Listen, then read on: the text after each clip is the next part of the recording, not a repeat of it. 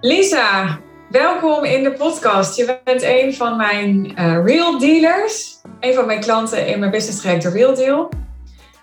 En ik heb jou uitgenodigd omdat je laatst voor het eerst een 22.500 euro aanbod verkocht. Dat klopt. Gefeliciteerd daar nog mee, uiteraard. Dankjewel. En ik wilde graag een aflevering opnemen over jouw casus, over hoe je dat had gedaan. En ik was dat aan het doen en ik dacht, ja, ik kan dit natuurlijk weer veel beter jouzelf laten vertellen en zodoende. Zit je nu hier? Ja. Oké, even heel in het kort. Wat doe jij precies? Ik ben marketingstratege voor sport- en voedingmerken. En um, ik help sport- en voedingmerken aan een marketingstrategie en ook bij de uitvoering. Ik merkte in de praktijk dat alleen die strategie niet voldoende was. Dus daarom heb ik ervoor gekozen om uh, in een half jaar lang niet alleen de strategie op te stellen, maar ook te begeleiden bij de uitvoering, samen met het hele team wat er bij zo'n merk al is. En waarom is dat nodig? Want er is dus al een marketingteam bij zo'n merk, dus waarom hebben ze jou dan nodig? Ja, dat zou je denken. Waarom hebben ze je dan überhaupt nodig? Ze kunnen het toch zelf wel? Die vraag heb ik ook vaker gekregen. Maar in de praktijk blijkt dat dat dus niet zo makkelijk is. Als je een marketingteam hebt, zijn ze vaak bezig met de dingen die ze kennen. En hebben ze het heel druk, zijn ze vijf dagen in de week heel druk bezig met alles wat ze al best wel lang doen. En ze merken, dit is eigenlijk niet het optimale. Maar hoe kunnen we dat eigenlijk optimaliseren? En hoe halen we al die bullshit er eigenlijk uit?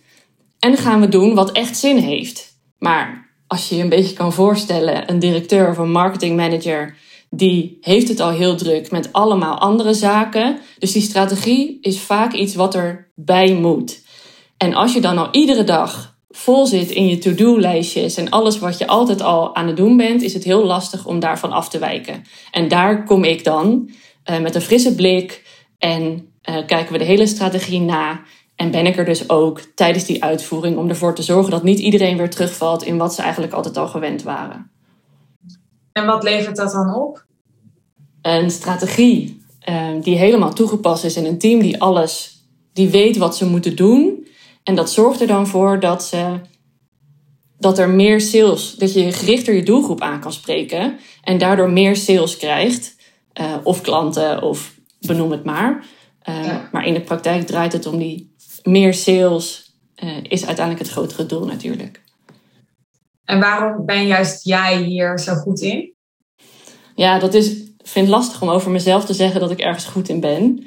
Maar ik merk nu dat ik meer doe dan alleen maar die strategie. Dus er, er speelt heel veel in zo'n team. En alleen maar zo'n team binnenkomen en zeggen wat je moet doen, dat werkt niet. Want dat zou in de praktijk inderdaad de manager zelf wel kunnen doen. Maar er speelt zoveel. En dat allemaal bij elkaar krijgen, voelen wat er uh, moet gebeuren, waar iedereen druk mee bezig is en alle ruis eruit halen. En iedereen een beetje aanspreken op zijn bullshit, dat kan ik heel goed. Dus er zit ook gewoon allemaal coaching in. Ja, daar heb ik ook wel over nagedacht. Of ik het niet een soort marketingcoaching moet noemen. Interessant. Oké, okay ik wilde dus jouw casus delen, omdat mensen nog wel eens denken: oh ja, je moet beginnen met een, een 3000 euro aanbod en dan 5000 euro en dan 10.000 euro en dan 15.000. En mensen vaak niet zo'n idee hebben bij hoe je dus ook gewoon kunt beginnen met een 25.000 euro aanbod. Of in jouw geval dan nu uh, 22,5. Maar dat gaat ongetwijfeld nog meer worden. Hè? Daar zijn we allebei van overtuigd. Mm-hmm. Dus voor de mensen die nu luisteren en die zich er geen voorstelling van kunnen maken, hoe je zonder zo'n zo'n ladder daar naartoe, out of the blue, quote unquote, een 22.500 euro aanbod verkoopt. Hoe doe je dat? Die prijs is een beetje als een onderbuikgevoel ontstaan. En ik ben wel al ruim vier jaar ondernemer. Dus ik wist wel wat ik aan het doen was. Ik had mezelf al bewezen. Alleen ik merkte dat uurtje factuurtje diende mij niet meer. Ik kon in best wel weinig tijd hele grote verandering. Um, werkuren voor mij best wel een grote verandering voor elkaar krijgen. Maar ik voelde me niet oké bij een prijs van 200 euro per uur. En ik voelde ook dat ik dat dan weer niet zo makkelijk kon verkopen. Dus toen ik uiteindelijk alles onder elkaar zette en doorhad hoe makkelijk, als je de juiste doelgroep vindt, je zo'n aanbod kan verkopen, dacht ik, ja, dan ben ik een dief van mijn eigen portemonnee. Als ik het nu een keer voor 5000 euro ga doen, dan voor 7500 euro. Ik dacht, nee, het is nu al heel veel waard. En zolang je zelf die waarde kent en weet, ja, dan kan je die prijs er toch voor vragen.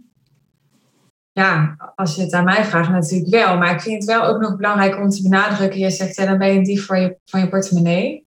Maar hoe ik het zie, is dat, het, dat je ook echt je klant tekort doet. Als je dan te weinig vraagt, terwijl het veel meer waard is.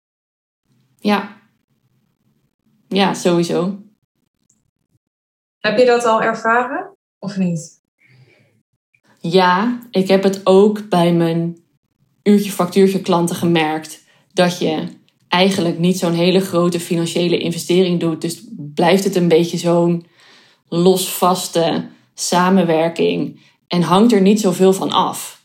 En nu met mijn leuke nieuwe 22,5k klant, ik merk wel dat de bezwaren ook anders worden, maar dat ze ook heel graag willen. Ze moeten nu wel. Er is geld geïnvesteerd. Ze hebben een afspraak gemaakt. Nu moeten we.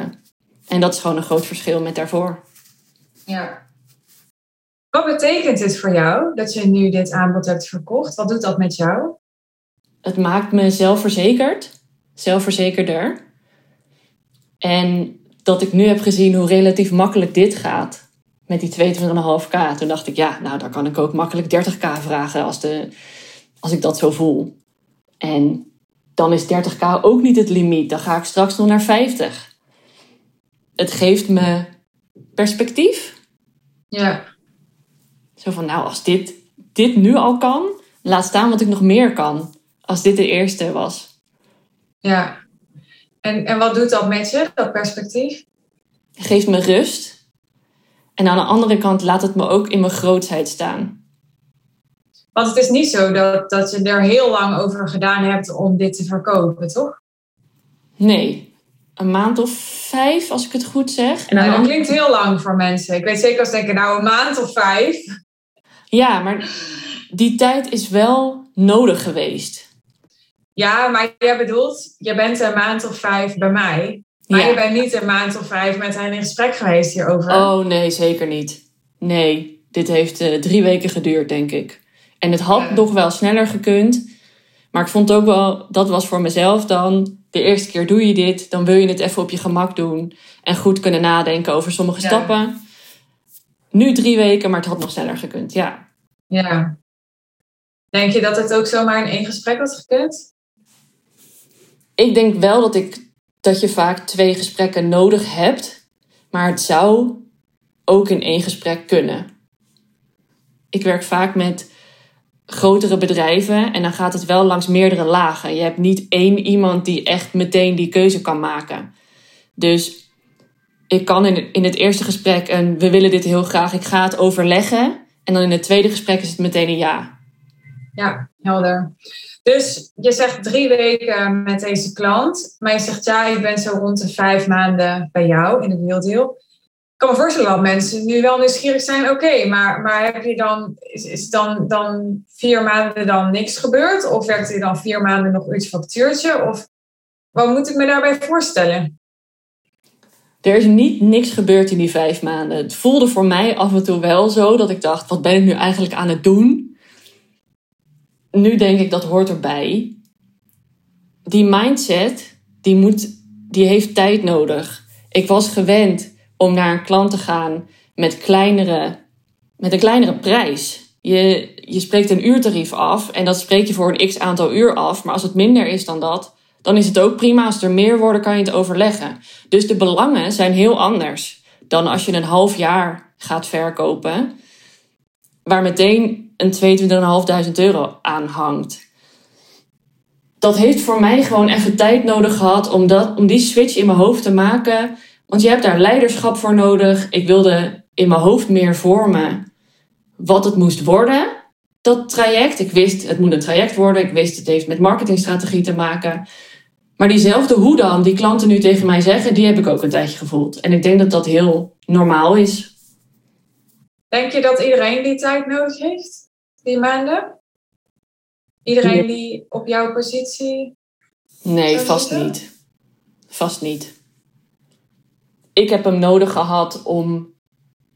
Ik ben niet alleen maar ondernemer. Er gebeurt meer in zo'n tijd. Ik ben nog een beetje blijven plakken bij andere uurtje factuurtje klanten. En misschien achteraf, als ik eerder had gezegd, ik stop meteen met die uurtje factuurtje klanten, had ik veel eerder dat aanbod kunnen verkopen. Nu bleef ik nog even hangen in het veilige.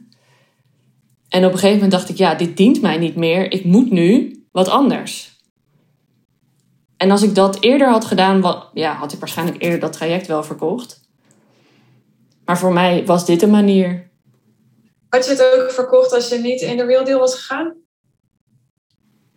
Nee, nee, sowieso niet. Het is toch een soort stok achter de deur, omdat je moet. Ik heb met jou besproken wat mijn plannen waren en we hebben afgesproken, ik ga dit doen. Tuurlijk kan ik het er met mede bevriende ondernemers over hebben. Maar als ik niet ingestapt was, had ik niet gevoeld van nu moet ik wel. En dat is heel belangrijk. Dat heeft voor mij een hele grote factor geweest om dit echt te gaan doen. Maar het is wel een dure stok achter de deur dan. Hoezo? Dit is toch pas het begin? Ik heb die stok achter ja, de deur. Ik. Maar ik zeg wel eens tegen mensen die zeggen: Ja, ik heb een stok achter de deur nodig. Ik zeg: Nou, dan vraag je buurvrouw maar, want ik ben wel een dure stok achter de deur, zeg ik dan. Ja, je weet hoe ik ben, hè? Mhm. Dus waar ik een beetje naar zoek is: was het alleen stok achter de deur of heb je nog meer nodig gehad in het traject om dit te kunnen doen? Natuurlijk. Wij hebben tussendoor hele goede gesprekken gehad over mijn mindset, over stappen die ik moest maken in mijn weg naar dat aanbod toe. Ik ben begonnen toen ik bij jou kwam en toen was ik nog heel erg zoekende. Maar samen met jou zijn we gaan kijken wat gaan we doen? Wat ga jij, ik in dit, in dit geval, wat ga ik nu eigenlijk doen? Dus buiten die stok achter de deur heb ik heel veel gehad aan juist de tips onderweg.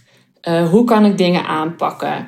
Uh, hoe zit het eigenlijk met mijn mindset? Wat heb ik daar nog voor nodig? Dus natuurlijk is het niet alleen maar een stok achter de deur, maar de stok achter de deur heeft er wel voor gezorgd dat ik vaak dacht: nu moet ik. Als ik niet met jou was gaan werken, had ik niet per se gehoeven. En tuurlijk had ik daar dan ook tips kunnen verzamelen van anderen. Maar dan was ik niet, was ik niet op het punt waar ik nu stond. Kan je je iets herinneren, een, een, een tip of een advies of een idee dat ik je heb aangedragen wat het verschil voor je heeft gemaakt? Ja, toen ik bij jou kwam, was ik nog heel erg zoekende in voor wie ik wilde werken. Als freelancer was ik ook en cosmetica. Daar ligt eigenlijk mijn achtergrond en daar kende ik jou al vaag van. En ik zat op sport en op voeding en op zorg. Hele brede dingen, want ik vond heel veel leuk. Jij hebt tegen mij gezegd, Lies, ga een niche kiezen. En meteen kwam ik naar je toe, dan ga ik terug de beauty in. En er gebeurde niks. Ik deed niks, ik bleef hangen. En toen heeft jij op een gegeven moment tegen mij gezegd, ja, als dit niet voor je werkt, dan werkt het niet. Dan moet je iets anders gaan doen. En dat is voor mij het punt geweest dat ik naar sport en voeding ben gegaan. En dat is voor mij het breekpunt geweest. Toen ben ik ervoor gegaan, dacht ik, dit zijn de mensen waar ik mee wil werken. De grotere bedrijven zijn hier ook. Die willen investeren, nu kan ik het. Dat is echt een punt geweest dat ik dacht, ja, dit, dit klopt, dit wil ik. Ja, mooi. Dus wat je eigenlijk zegt, corrigeer me maar als ik het niet goed zeg, maar ik vertaal het even in mijn woorden, is dat je terugviel op, op cosmetica, op de beautybranche, omdat je daar vandaan kwam en dat dus logisch voelde om naar terug te gaan. Maar ik zeg wel eens, hè, het gaat stromen als je doet wat je echt te doen hebt. Dus toen jij ging kiezen voor waar echt je hart lag, waar je echt het beste tot je recht kwam, wat vaak ook het meest spannend is om daarvoor te kiezen, want als het dan fout gaat, dan doet het echt pijn. Toen ging het inderdaad stromen. Klopt dat? Ja, klopt. Mooi. En En nu, hoe zie jij nu de toekomst? Zie jij nu helemaal voor je dat je dit gewoon doorlopend gaat doen? Voor dit soort bedragen gaat verkopen? Ja, ik ga niet meer terug naar uurtje factuurtje, dat weet ik zeker. Nee, dat snap ik. Maar ik bedoel, is, was dit een soort toevalstreffer of eendagsvlieg? Nee, nee joh, zeker niet. Uh, de volgende van 30.000 euro, die staat al voor de deur. Ja. En toen zat ik ook te denken, ja... Eerst zei ik, ik ga er dan volgend jaar 10 doen. Dan heb ik 300.000 euro. En toen dacht ik, ja, dan heb ik het super druk volgend jaar. Wil ik dat wel? kan het toch ook 6 doen voor 50.000 euro? Dus dat is mijn doel voor volgend jaar. Ja, gek.